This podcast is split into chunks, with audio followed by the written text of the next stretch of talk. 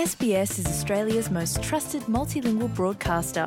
Our listeners are loyal, highly engaged, and have supported countless local businesses. We offer advertising packages for businesses of all sizes. Our experienced sales team will guide you through the process of owning a great campaign. Bring your own ad or have our production team make you something in one of our 68 languages. Start the conversation with your new audience today. Email sales at sbs.com.au. Vi ste uz SBS na Srpskom. Grupa naučnika je na severu Grenlanda pronašla najstariju DNK na svetu. Pomoću tog izolovanog uzorka oni sada otkrivaju kakav je bio život na tom delu planete pre 2 miliona godina, piše Alan Lee za SBS News. Za program na srpskom pripremila Nataša Kampmark.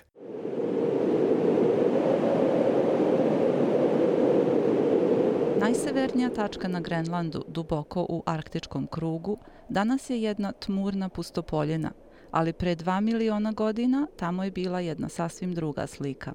Bilo je to okruženje obraslo drvećem, sa bujnom vegetacijom i raznolikim životinskim svetom, među kojim se nalazio i sada izumrli mastodont iz porodice slonova. Fosile nije lako pronaći u arktičkom krugu – ali istraživači su iz sedimenta uspjeli da izoluju ekološku DNK, koja se također naziva e-DNK. To je genetski materijal koji organizmi ostavljaju u svojoj životnoj sredini, kao što su, na primjer, kosa, izmet, pljuvačka ili telo u raspadanju. Eske Willerslev je genetičar sa Univerziteta u Cambridgeu i jedan od članova istraživačkog tima koji stoji iza ovog novog otkrića. Because DNA is electrically charged and Pošto je DNK negativno naelektrisana i mnoge sedimentne čestice također imaju negativno naelektrisanje, ta će se DNK vezati za te čestice sedimenta, čime će se usporiti raspadanje DNK. Upravo tu DNK mi sada oslobađamo iz čestica sedimenta – objašnjava Villerslev, koji također kaže da svaki živi organizam ostavlja svoju DNK u okruženju i da su na osnovu pronađene ekološke DNK genetičari ne samo dobili podatke o pojedinim životinjama, nego i da su izgradili sliku sveta kakav je bio u to doba. You can go uh, two million years back in time, reconstruct the ecosystem, you can uncover Možete da se vratite dva miliona godina u prošlost i da rekonstruišete ekosistem.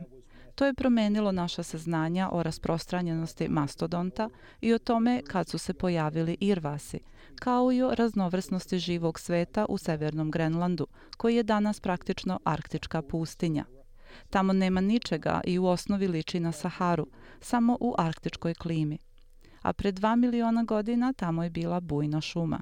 Uzorci su pronađeni u sedimentnim naslagama formacije Kap Copenhagen na poluostrvu Peary Land, koje zalazi u severni ledeni okean. Pre više miliona godina ovo područje je prolazilo kroz klimatske promjene koje su uslovile porast temperature. Sediment se tu verovatno taložio hiljadama godina, pre nego što su temperature opale, a uzorci DNK ostali zamrznuti u permafrostu. Ledeno okruženje pomoglo je da se krhki fragmenti DNK očuvaju sve do naših dana kada su stručnjaci 2006. godine počeli da rade na njihovom iskopavanju i prikupljanju. Laura Epp, naučnica koja izučava ekološku DNK na Univerzitetu Konstanc u Nemačkoj, ali koja nije učestvovala u studiji, kaže da ovo istraživanje pruža uvide koji ranije nisu bili mogući in the DNA record we have a lot of organisms that don't fossilize. Mnogi organizmi se ne fosilizuju, tako da nemamo drugog načina da dođemo do njihove DNK.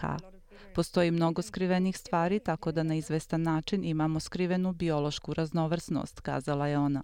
Veliko iznenađenje za naučnike bilo je kada su u genetskom uzorku ekosistema otkrili DNK mastodonta, izumrle životinske vrste koja je izgledala kao mešavina slona i mamuta. Većina fosilnih ostataka mastodonta je do sada pronađena u šumama u umerenom klimatskom pojasu Severne Amerike. Umetnica Beth Zeiken je sada upotrebila podatke dobijene istraživanjem DNK životne sredine i kreativno dočarala izgled tog područja od pre 2 miliona godina.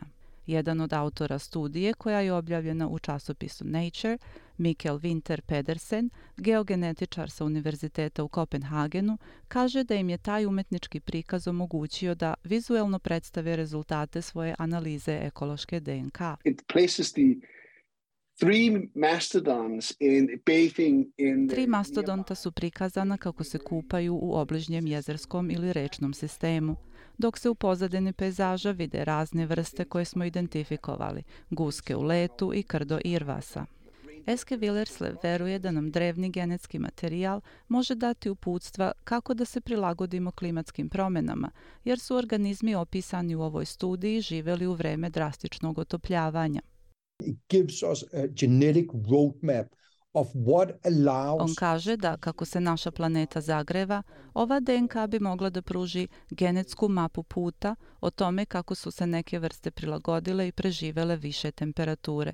A to, kako zaključuje Willerslev, otvara nove mogućnosti ako želite da pokušate da ublažite uticaj klimatskih promjena. Međutim, on takođe ističe da se problem klimatskih promjena ne može brzo rešiti i da treba nastaviti sa nastojanjima da se smanji emisija gasova sa efektom staklene bašte, jer ovo novo otkriće je prosto još jedna opcija koja bi mogla da doprinese ublažavanju posljedica klimatskih promjena. Želite da čujete još priča poput ove? Slušajte nas na Apple Podcast, Google Podcast, Spotify ili odakle god slušate podcast.